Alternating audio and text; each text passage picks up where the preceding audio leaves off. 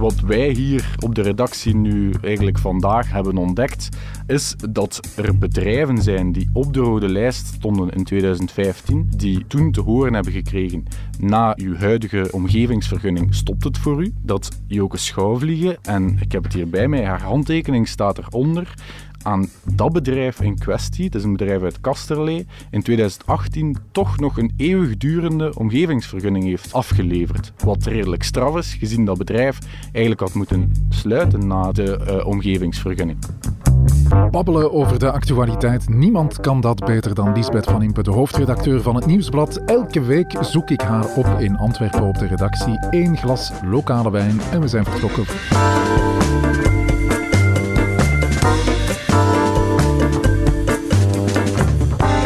Dag Lisbeth. Dag Jeroen. Ik ben Jeroen Roppe. Dit is het punt van Van Impe.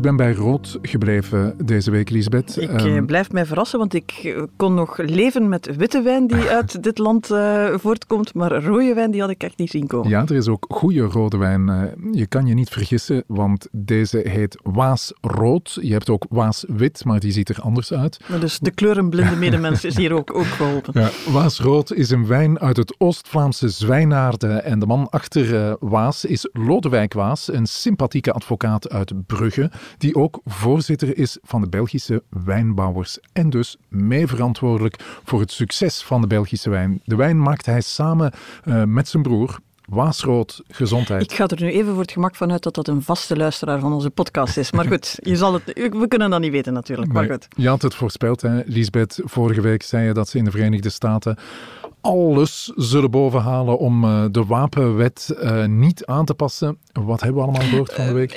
Uh, ze verrassen mij iedere keer opnieuw. Hè. Ik bedoel, we kennen het hele riedeltje. De ene keer zijn het de games die de oorzaak zijn, niet de wapens. De andere keer zijn het de gewelddadige films, niet de wapens. Dan, ik heb ook gehoord, het is omdat de mensen niet meer naar de kerk gaan. Ja in Europa gaat bijna niemand nog naar de kerk en knallen we elkaar toch niet af op school. Dus ja, goed, als verklaringsmodel ook beperkt. Maar de hoofdvogel is eens te meer afgeschoten door de Texaanse senator Ted Cruz. Wat zei die? algemeen gekend als een behoorlijke griezel. Maar goed, uh, die zei: uh, Het probleem zijn niet de geweren en de wapens. Het probleem is dat onze scholen te veel deuren hebben. We moeten ervoor zorgen dat scholen nog één deur hebben met een goede metaaldetector en zwaar bewapende bewaking, dan gaat dat niet meer gebeuren. Ik vraag me af wat de brandweer van de betreffende scholen daar eigenlijk van vindt, want het lijkt mij een, echt een, een vreselijk idee. Maar hij heeft mij verrast, dit zag ik niet komen uit het probleem in Amerika zijn de deuren. Ja, vandaag hebben we drie nieuwe onderwerpen, Lisbeth, en ook dus uh, drie nieuwe punten. Maak je al maar klaar, Lisbeth, want we beginnen aan het punt van Van Impe gaat over het feit van ja, uh, gaat Sualdemir haar akkoord kunnen uitvoeren? Gaat Gwendoline Rutte A-verboden kunnen redden? Uh, of uh, wordt minister Broens minister om het stikstofakkoord uit te hollen? maar ik vind dat eigenlijk dat het daar niet over gaat. Het is geen overwinning om landbouwbedrijven, om die rode bedrijven, 41 bedrijven, om die te sluiten. Maar het is wel een nederlaag dat inderdaad het Vlaams beleid de afgelopen decennia gefaald is en dat we hiervoor een hele zware prijs moeten betalen. Vlaams minister van Omgeving Zuhal Demir iets meer dan een week geleden over het stikstofakkoord. Dat is een akkoord dat de Vlaamse meerderheidspartijen sloten om de uitstoot van stikstof naar omlaag te krijgen. En uh, dat door minder vee en uh, door minder landbouwbedrijven ook. Hè, want een uh, aantal landbouwbedrijven kreeg de kleur rood en moet op termijn sluiten. Maar blijkt nu dat sommige van die bedrijven van de rode lijst zijn gehaald en toch een positief advies hebben gekregen. Hoe is zoiets kunnen gebeuren? Lisbeth, ik ga dat vragen aan iemand die er de hele dag mee bezig geweest is. Hannes Hendricks, journalist bij het Nieuwsblad. Dag Hannes. Hey, dag Jeroen. Hannes, het stikstofakkoord, leg nog eens uit. Uh, wat is dat? Dat is eigenlijk een Europese richtlijn die de Vlaamse regering hier heeft moeten omzetten in concreet beleid om die stikstofimpact op uh, natuurgebieden, beschermde natuurgebieden, om die drastisch naar omlaag te krijgen. Je zei het zelf al, hoeksteen van het akkoord is eigenlijk eigenlijk de sluiting van 41 rode landbouwbedrijven tegen 2025. Maar over die sluiting, die 41 bedrijven, daar is eigenlijk heel veel discussie over ontstaan. Binnen de Vlaamse regering, tussen de meerderheidspartijen. Gwendoline Rutten is zich daarop aan het profileren, eh, bijvoorbeeld. Dus dat leidt tot consternatie, ja. Het is een boksmatch, het is een juist gekozen woord en hij gaat nog altijd door met, uh, zoals we zoal die meer kennen, altijd gevaarlijk als hij in de derde persoon over zichzelf begint te spreken, zoals daarnet in de quote. Uh, heeft weer zo'n uh, zo'n typische linkse uitgehaald en is een audit gestart. Ja om te kijken van ja, wat is hier eigenlijk gebeurd? En uh, kijk eens aan, uh, nadat CD&V met de nieuwe minister van Landbouw, we hebben het er allemaal over gehad, dat dat de hoop van CD&V in bange dagen was om een en ander los te wrikken, uh, te zeggen van ja, we zetten daar iemand die dat niet mee onderhandeld heeft, dan gaat hij dat kunnen in vraag stellen, gaat hij kunnen zien wat er allemaal verkeerd gelopen is. Daar was plots wat optimisme aan de horizon aan het gloren. Wat zegt meer nu? Ik ga eens laten onderzoeken wat er allemaal gebeurd is en je ziet het niet komen. Joke Schouwvliegen heeft weer iets ondertekend wat beter misschien niet ondertekend had. Joke Schouwvliegen, uh, Hannes, dat was de vroegere minister van uh, niet alleen landbouw, maar ook omgeving of uh, milieu. Wat heeft zij te maken met dit dossier? Wel, dat is eigenlijk een, een handigheidje van zoal Demir. De laatste twee weken is eigenlijk zelf een beetje in de problemen gekomen, omdat er discussie was over welke rode lijst gebruiken we hier nu. Dat kon een lijst zijn van 2015, wat Gwendoline Rutte wou, Open VLD wou. Uh, zoals Demir zei, er is een nieuwe lijst gemaakt, het is maar logisch dat we die gebruiken. Dus daar heel veel discussie over. Zoals Demir heeft nu met die audit te bestellen eigenlijk de discussie verlegd naar wat er in het verleden allemaal is gebeurd. In 2014, hoe die rode lijst tot stand is gekomen, welke bedrijven daar allemaal zijn afgedonderd in de loop der jaren. En dan komt Joke Schouwvlieg eigenlijk heel duidelijk in beeld. Zij had zowel leefmilieu als landbouw in haar portefeuille. Iets waarvan mensen toen terecht zeiden dat dat geen goede combinatie was. Ik denk dat intussen helemaal bewezen is dat, dat die gelijk hadden. Ja. Als je die twee bevoegdheden samensmijt, ja, dat één van de twee doorgaans het slachtoffer wordt en als dat een CD&V-minister is, dat dat doorgaans het, het, het, natuurbeleid is dat daar, daaronder ja. gaat leiden. Ja. Maar goed. En de nu zijn er van uh, Joke. Ja, nu zijn er mails opgedoken van de Boerenbond, historisch verwant natuurlijk met CD&V en Joke Schouwvliegen, die eigenlijk druk hebben uitgeoefend om rode bedrijven van die lijst te krijgen. Wat wij hier op de redactie nu eigenlijk vandaag hebben, uh, hebben ontdekt, is dat er bedrijven zijn die op de rode lijst stonden in 2015 en dus die toen te horen hebben gekregen, na uw huidige uh, omgevingsvergunning stopt het voor u. Uh, u kan niet meer uitbreiden, het, het, is gewoon gedaan dan. Dat Joke Schouwvliegen, en ik heb het hier bij mij, haar handtekening staat eronder, aan dat bedrijf in kwestie, het is een bedrijf uit Kasterlee, in 2018 toch nog een eeuwigdurende omgevingsvergunning heeft uh, afgeleverd. Wat redelijk straf is, gezien dat bedrijf eigenlijk had moeten sluiten. Dat is uh, inderdaad uh, heel uh, straf materiaal dat je daarbij hebt, Hannes. En geen goed nieuws neem ik aan voor CD&V, de partij van Joke Schouwvliegen en ook de partij van de huidige minister van Landbouw, Lisbeth. Ja, je hebt daar die Jo Broens, die is daar gezet om, om, om iets te forceren. Ja, die voelt natuurlijk, als je hier begint aan te trekken, dan riskeert dat je dat helemaal open rafelt. En dat de erfenis van, van CD&V-ministers op dat departement helemaal bloot komt te liggen. Dus dat is een risico waarvan de partij gaat moeten inschatten uh, of ze dat eigenlijk wel wil nemen, of ze wel wil dat de discussie die richting uitgaat. We begrijpen ook die audit die Zoal de Mier besteld heeft haar eigen minister-president wist het deze keer wel. De keer van de onderzoekscommissie rond PFOS wist hij het niet. Deze keer wist hij het wel. Hij is ook bevoegd voor het auditcomité, dus in die zin is misschien zelfs toeval dat hij het wist. Maar goed, uh, Open VLD en CD&V wisten eens te meer van niks, vallen daar uit de lucht, horen dat dat eraan komt en moeten nu stilaan beginnen ontdekken wat er allemaal zou kunnen naar buiten komen. Bij Open VLD liggen ze daar niet heel wakker van. Bij CD&V gaan ze toch moeten zien hoeveel schade ze hier willen lopen. Maar het gaat wel dieper. Mier heeft gelijk als ze zegt. Ze is natuurlijk, en haar partij, die ook al heel lang aan de knoppen zit in Vlaanderen, is er mee verantwoordelijk voor. Maar beleidsmatig loopt die Vlaamse regering op heel dat stikstofdossier een ongelooflijk belabberd parcours. En dan kan je daar een beetje vrolijk over doen in een podcast bij een glas wijn. Je kan daar een beetje vrolijk over doen in het parlement. Je kan daar ministers over ondervragen en achter een veren zitten. En dat zal allemaal moeten gebeuren. Maar je moet je maar voorstellen vandaag dat je een van die boeren bent De Boerenbond is 500 keer gepasseerd om te zeggen, ja, ja, dat stikstofakkoord, we regelen dat wel, dat komt wel goed. We hebben daar een bevriende minister zitten, we gaan wel zorgen dat dat allemaal wel meevalt. Je doet daar investeringen, je hangt je leven en je bedrijf daaraan op.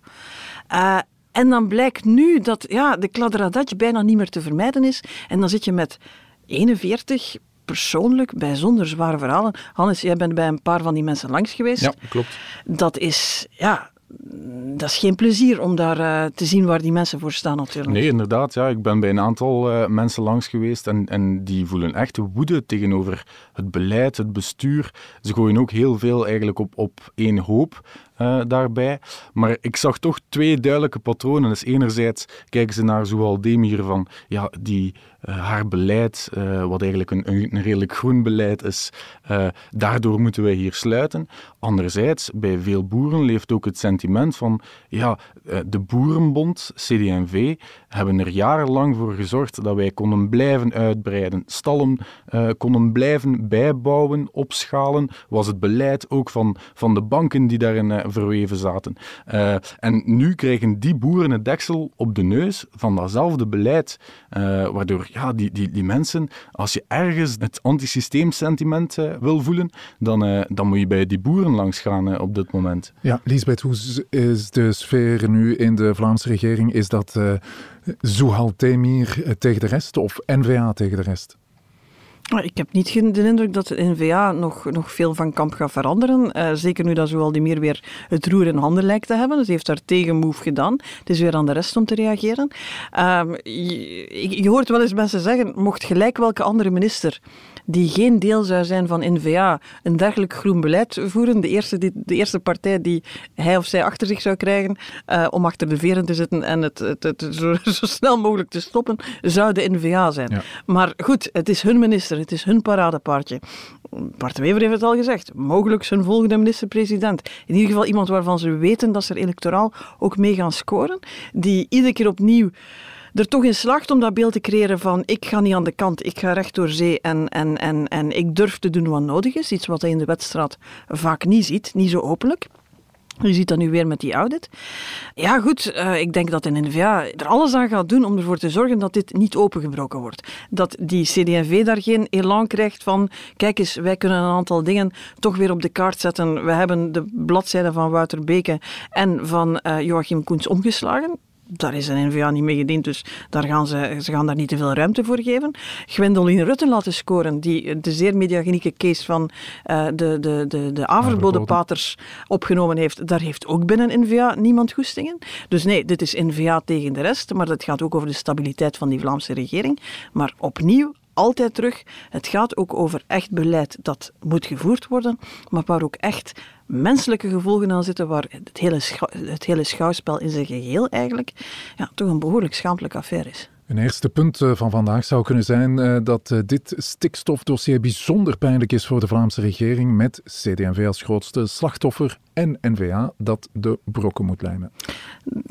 Jan-Jan Bon zal hier de brokken moeten lijmen om die coalitie toch bijeen te houden. Tegelijk hoopt hij natuurlijk dat er een beetje een temporisering komt op die ambities van CD&V om zich daar terug op de kaart te gaan zetten. Maar hij, gaat het allemaal goed in de gaten moeten houden. Zoal Demir, die is gewoon bezig met een haar beleid verder uit te voeren. Zorgen dat nog een groter potje wordt. Ik denk dat dat ook wel een, uh, een ambitie zal zijn.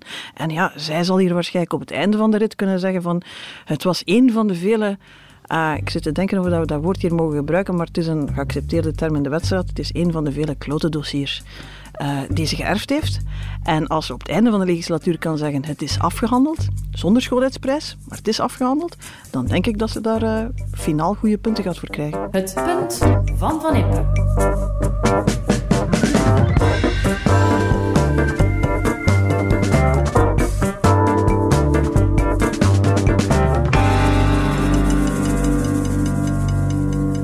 Een eerste punt hebben we gehad. Een eerste punt dat er kwam dankzij de inbreng van uh, Hannes Hendricks. Uh, dankjewel daarvoor, Hannes. Ja, hij moet nog een stuk gaan schrijven. Ja, ik ben snel weg, anders gaat de chef eindredactie achter mijn uh, veren zitten, denk ik. Oké, okay, bedankt Hannes Hendricks. Maar blijf anders nog even zitten, samen luisteren naar dat heerlijke Hercule Poirot Engels van deze man. Uh, I would like to reiterate my gratitude for all the colleagues uh, who were able to take together uh, this strong decision and to express a united message towards Ukraine, towards Russia, but also towards the European Union's citizens and the rest of the world. Hercule Poirot, of het had ook de Pink Panther kunnen zijn, maar het was wel degelijk... Ik ben blij dat jij er nog kan mee lachen. Het was wel degelijk Charles Michel, de voorzitter van de Europese Raad, of de president van Europa, zo mogen we hem ook noemen. in de volksmond de president, ja. Ja. Uh, hij is erin geslaagd om er een nieuwe reeks sancties door te krijgen. Geen Russische olie meer in Europa. Daar komt het min of meer op neer. Heeft hij je verbaasd, Michel? Het is Europa, dus het is min of meer. En je kan er heel veel op aanmerken, want er zijn altijd uitzonderingen en, en ja, wat handigheidjes die uitgehaald worden. Maar ja, de verwachtingen waren eigenlijk heel laag gespannen. Ursula von der Leyen, de commissievoorzitter, was binnengestapt en had nog aan de deur gezegd van jongens, de komende 48 uur verwacht geen akkoord, geen doorbraak. Het ligt nog te moeilijk.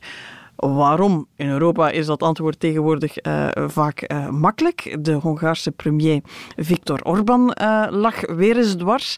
maar goed, het was denk ik iets na middernacht toen Charles Michel toch zijn persconferentie kon geven, zijn moment kon grijpen en there is unity kon zeggen. op zijn heel eigen manier. hashtag unity. Ja, met ja, mij doet altijd aan Allo Allo denken, maar goed, dat zal aan mij liggen. Um, maar goed, op hetzelfde moment, dat mag je ook niet vergeten natuurlijk, was Viktor Orban ongeveer een Facebook-filmpje aan het opnemen voor zijn Hongaarse achterban om te zeggen van, ja jongens, ik heb ook mijn slag thuis gehaald. Wij blijven Russische olie krijgen vanuit onze eigen pijpleiding. En uh, wij hebben Europa toch maar gedwongen tot de positie waar dat ze ons ons gedacht hebben gegeven. En wees maar zeker, Orban, die stopt ook nooit. Hè. Ik bedoel, de punten en commas moeten nog goed gezet worden. Het dat zal zolang deze crisis duurt blijven doorgaan. Unity in, in Europa is altijd voorlopig, maar goed, op het moment dat ze er moesten staan, dat de, de, de, de Europese camera's op de president gericht zijn, kon hij zeggen van oké, we zijn er doorgeraakt. Ja, maar goed, uh, Michel kon uitpakken met zijn hashtag Unity. Uh, nu vraag ik mij af, Lisbeth, heeft dit soort sancties wel zin? Want uh, Poetin die kan toch nu gewoon zijn olie ergens anders verpatsen? De critici zeggen, er is lang over gepraat, dus hij heeft zien aankomen. Hij kan al alternatieven gaan zoeken. hij kan zijn tankers ook naar China sturen. Dat is allemaal waar natuurlijk. Je kan geen blokkade rond heel Rusland gaan leggen, leggen en, en, en alles afsluiten. Maar doen alsof dat dit Poetin geen pijn doet, denk ik, is overdreven. Daar, je ziet ook behoorlijk wat waarnemers die zeggen van één, dit gaat over veel olie. Zoals gezegd, Hongarije heeft een uitzondering gekregen. Zij krijgen olie via een pijpleiding. Via de pijpleiding mag het nog. Maar de tankers, wat toch het overgrote deel van de export van de Russen naar Europa is, eh, die mogen niet meer aanmeren in die, in die Europese havens. Die olie willen we niet meer.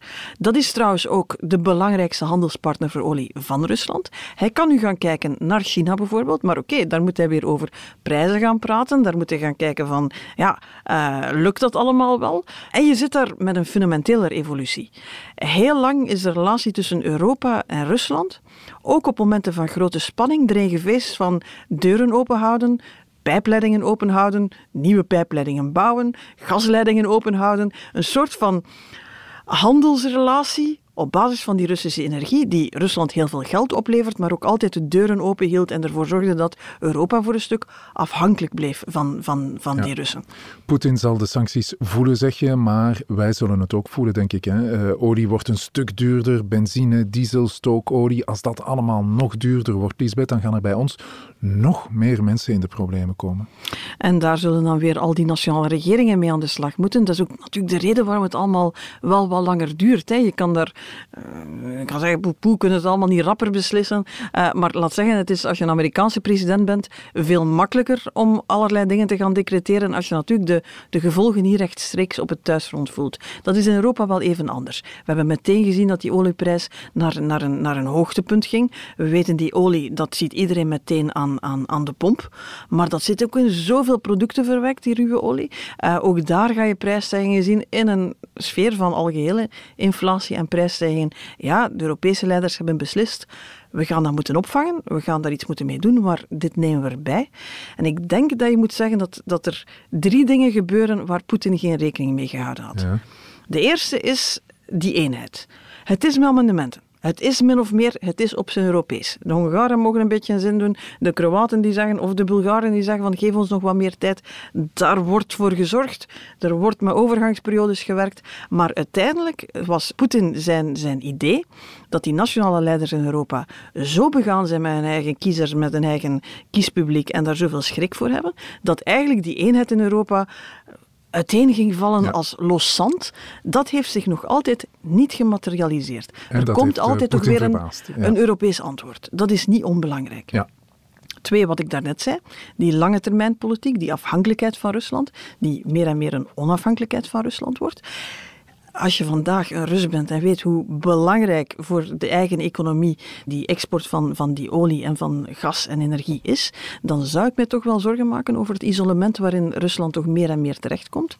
En het laatste, het zit soms in de kleine details. Er is onder andere ook een beslissing genomen dat Europese verzekeraars, en er worden ook linken gelegd naar Londen en naar Washington om die ook te laten meedoen, dat die die olietankers niet meer gaan verzekeren. Een olietanker moet verzekerd worden. Je weet, als die ergens opbotst, dat is een ramp zonder weerga. Dat kost waanzinnig veel geld. Olietankers moeten verzekerd zijn. Eh, Europa trekt nu die strijd om ervoor te zorgen dat dat een stuk moeilijker wordt. Een van de dingen die echt zijn tankers kan stilleggen als je vanuit het standpunt van Poetin kijkt. Dus ja, er worden stappen gezet. Ja, we gaan er zelf ook een prijs voor betalen. Anders was het allemaal veel makkelijker natuurlijk. Maar je voelt wel dat die druk op Poetin hoog blijft. Ja. En, en, en ja, het ene sanctiepakket wordt afgekondigd. Je kan er veel op aanmerken. Wie weet komt er nog een volgende. Maar eh, ja, we- Allemaal hij komt niet weg. nieuws voor eh, Poetin. Hoewel ik eh, de indruk heb dat eh, in Oekraïne, Lisbeth, de situatie lijkt te keren. Hè? Rusland boekt daar duidelijk successen in het, eh, in het oosten. Wat is er precies aan de hand? Ja, we zijn nu, ik denk vrijdag zijn we 100 dagen bezig en we zitten in, in fase 3. Fase 1 was de invasie van we gaan die klus hier wel eens klaren. Die regering gaat weg, we nemen een groot stuk van dat grondgebied en dat is hier op, op, op, op, op geen tijd geklaard. Dat is heel rap op het Oekraïns verzet gesto- gestoten en is heel ra- rap een ontnuchtering geweest. Vervolgens hebben de Russen zich teruggeplooid, gehergeroepeerd. was een periode waar we alle zegenberichten kregen van getorpedeerde schepen en steden die heroverd werden en omsingelingen die doorbroken werden. Toen leek het even van die Oekraïners, dat is, dat is David tegen Goliath, maar David gaat hier gewoon echt winnen. Ja, nu zie je wel de Russen die zich teruggeplooid hebben op de Donbass, die, die oostelijke regio, die daar hun offensieven lanceren, maar veel bescheidener dan daarvoor. Ja, dat blijkt toch wel een, een leger te zijn dat nog wel iets eh klaarspeelt. We zijn nu allemaal naar Severodonetsk aan het kijken, eh, wat nu al het tweede Mariupol wordt genoemd. Eh, een stad met heel veel chemische industrie, dus het, het, het risico van een stad die, dat die stad plat gebombardeerd wordt, de, de fallout daarvan, het risico dat daarmee genomen wordt, wat er allemaal kan fout gaan, dat is gigantisch. Maar dat zal een nieuwe Oekraïnse stad zijn waar eigenlijk alleen maar puin van overschiet. En dan, ja, dan voel je, dit is een conflict dat zich kan bevriezen rond dat gebied van de Donbass, dat nog heel lang kan duren, eh, waar de Oekraïners de Russen niet zomaar wegkrijgen, waar de Russen niet zomaar de totaaloverwinning eh, kunnen boeken en waar, als er ooit aan tafel gezeten wordt, zal over gesproken worden. Ja, zullen de Amerikaanse en Duitse wapens die op komst zijn daar nog eh, voor verandering kunnen zorgen?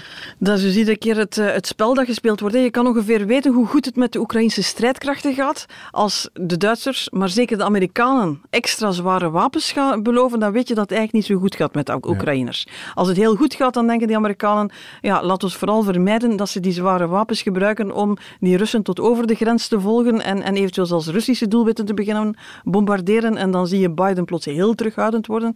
Nu gaat het weer wat slechter, komen ze weer onder druk te staan. Biden zegt eh, vanmorgen in een opiniestuk van New York Times, je krijgt die zware wapens. Ook de Duitsers tegen alle logica van, van, van een jaar geleden in zeggen van ja, wij gaan zware wapens sturen. Vanuit Europa blijft die, die wil om die Oekraïners in te steunen. Het niet zelf te doen, maar de Oekraïners tenminste de wapens te geven om het wel te doen. Maar dat, eigenlijk als je weet, er komen nieuwe leveringen, dan weet je van ja, oei, de Oekraïners hebben weer hulp nodig. Ja, je hebt verschillende punten gemaakt, Elisabeth. Ik probeer ze samen te vatten. Die eh, nieuwe wapens zouden wel eens een gamechanger kunnen zijn. Vroeg of laat zal er onderhandeld worden over de Donbass-regio. Eh, Ons doen de sancties uh, wel degelijk uh, pijn. We hopen de korte doen, pijn, maar niemand weet het. Ja, maar ze doen vooral uh, ook Poetin pijn. En goed toch dat er die Europese sancties zijn. Hè? Het is het zesde pakket. Je kan heel veel zeggen over hoe het tot stand komt. Um, die eenheid waar Europa graag mee uitpakt op persconferenties, altijd voorwaardelijk altijd tijdelijk. Je moet altijd kijken of de punten en de commas op de juiste plek kunnen gezet worden. Maar als je ervan uitgaat dat na de verovering van de Krim Poetin dacht van, die Oekraïners, die bewegen niet. Die Europeanen, die durven niet. En als ik nog maar eens durf met mijn vinger op uh, de gasleiding of, of de olieleiding te zetten, dan schiet iedereen dan in paniek en valt dat als loszand uiteen. Dan moet je toch zeggen dat met veel vallen opstaan, met weinig schoonheidsprijzen Europa er toch in slaagt om duidelijk te maken: we trekken een grens, we blijven druk zetten en we gaan ervoor zorgen dat uh, Rusland hier toch voelt dat ze niet ongestoord, ongestraft zomaar een zin kunnen doen. Het punt van Van.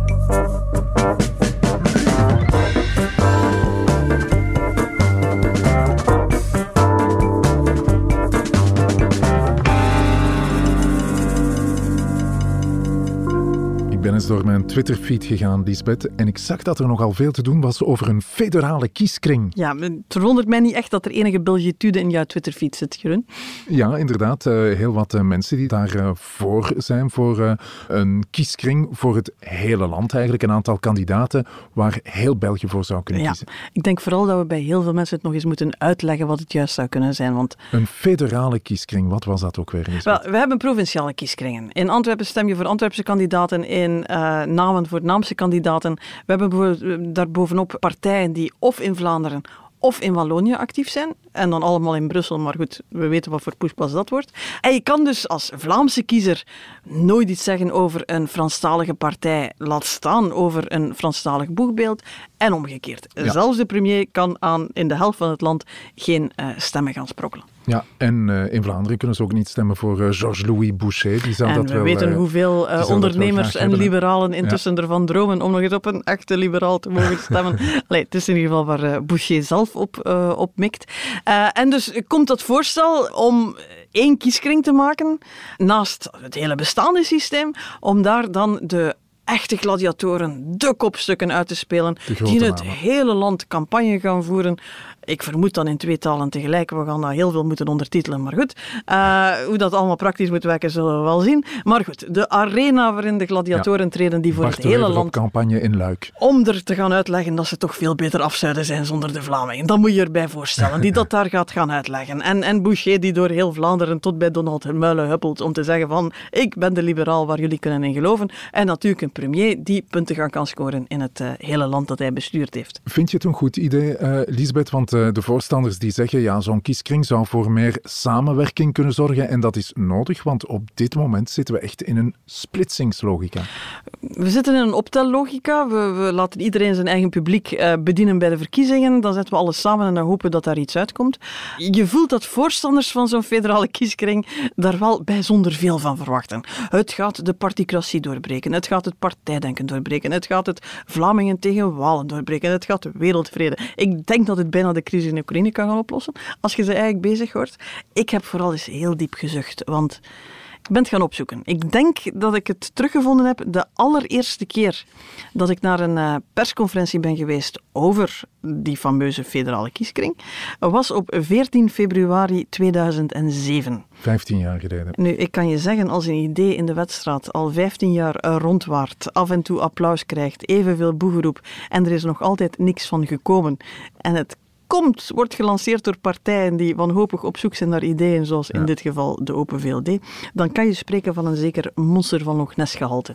Hoor ik jou zeggen, Lisbeth, het uh, idee op zich is misschien wel uh, verdienstelijk, maar uh, praktisch is het niet haalbaar. Ik snap het idee. Ik merk dat degenen die er lippendienst aan bewijzen, je kan denken dat hij in de buurt van een meerderheid, misschien soms zelfs een tweederde meerderheid zou kunnen komen, alhoewel ik het nu niet zie. Vlaams Belang, N-VA, CD&V hebben eigenlijk meteen gezegd van we doen niet mee. Franstaligen zeggen we zijn geïnteresseerd, maar ja, we weten als we over de, de details beginnen. Zoals, ja, gaan we op voorhand vastleggen hoeveel Nederlandstaligen en hoeveel Franstaligen verkozen kunnen worden, of laten we dat helemaal vrij? Wat eigenlijk wel iets meer in de spirit van zo'n federale kieskring zou zijn, dat het er even niet toe doet wie er Ja. Vlaams, eh, Vlaams en, en, en Frans spreekt. Eh, ja, dan voel je dat ook daar het enthousiasme rap smelt als sneeuw voor de zon. Dus eh, gaat dit ervan komen? Hoogstwaarschijnlijk niet. Ik durf zeggen dat dat er niet gaat van komen. Ik denk vooral dat er veel te veel van verwacht wordt. Niet meteen het eh, beste nieuwe Vivaldi-project, eh, zeg je dus eigenlijk, hè, als eh, punt. Een idee dat een beetje naïef is en vooral in de praktijk onhaalbaar In is. theorie klinkt het goed, in de praktijk is het al iedere keer, heeft het zijn standen, standen stuk gebeten op de details. En vooral, ons probleem is niet hoe politici verkozen geraken. Het is wat ze na verkiezingen doen. Of ze in een regering samenkomen, of ze tot beleid en compromissen komen, of ze daar de partijbelangen wat kunnen loslaten. Denken dat een federale kieskring dat gaat oplossen op zijn eentje, dat denk ik is een beetje naïef. En ik denk dat we vooral moeten gaan kijken naar politici die na verkiezingen iets nuttigs gaan doen met die stemmen die ze verzameld hebben. Hoe ze dat gedaan hebben lijkt mij van ondergeschikt belang. Het punt van Van Impe. Thank you.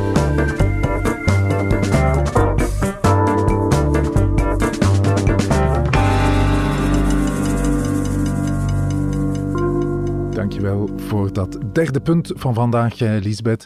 Intussen genoten van de Waasrood. Wat vond je ervan? Ik vond hem eh, bijzonder lekker. Rode wijn lekker. uit Zwijnaarden, ik had nooit gedacht. Een goede, maar wel krachtige wijn, deze Waasrood. Het is weer zo'n duurzame wijn die eh, met veel respect voor de natuur gemaakt is. Dus hoofdpijn gaan we er niet van krijgen. En ik kijk uit naar volgende week, Ha? want dan zitten we aan het vijftigste punt van Van Impe. Dan moet ik echt wel voor iets eh, speciaals zorgen. 50 jaar, in de, Jeroen, in hemelsnaam, hoe gaan wij 50ste, een, een 50ste verjaardag eh, vieren als we al iedere week een goede fles wijn hebben? Dus nu moet je echt jezelf compleet gaan overtreffen. Ik ga een week op zoek. Tot volgende week, Lisbeth. Tot volgende week.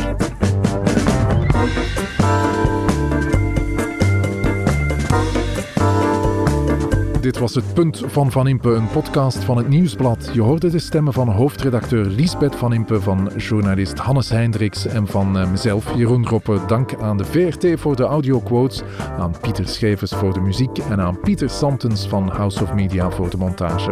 De productie was in handen van Joni Keimolen en Bert Heijvaart. Tot het volgende Punt van Van Impe.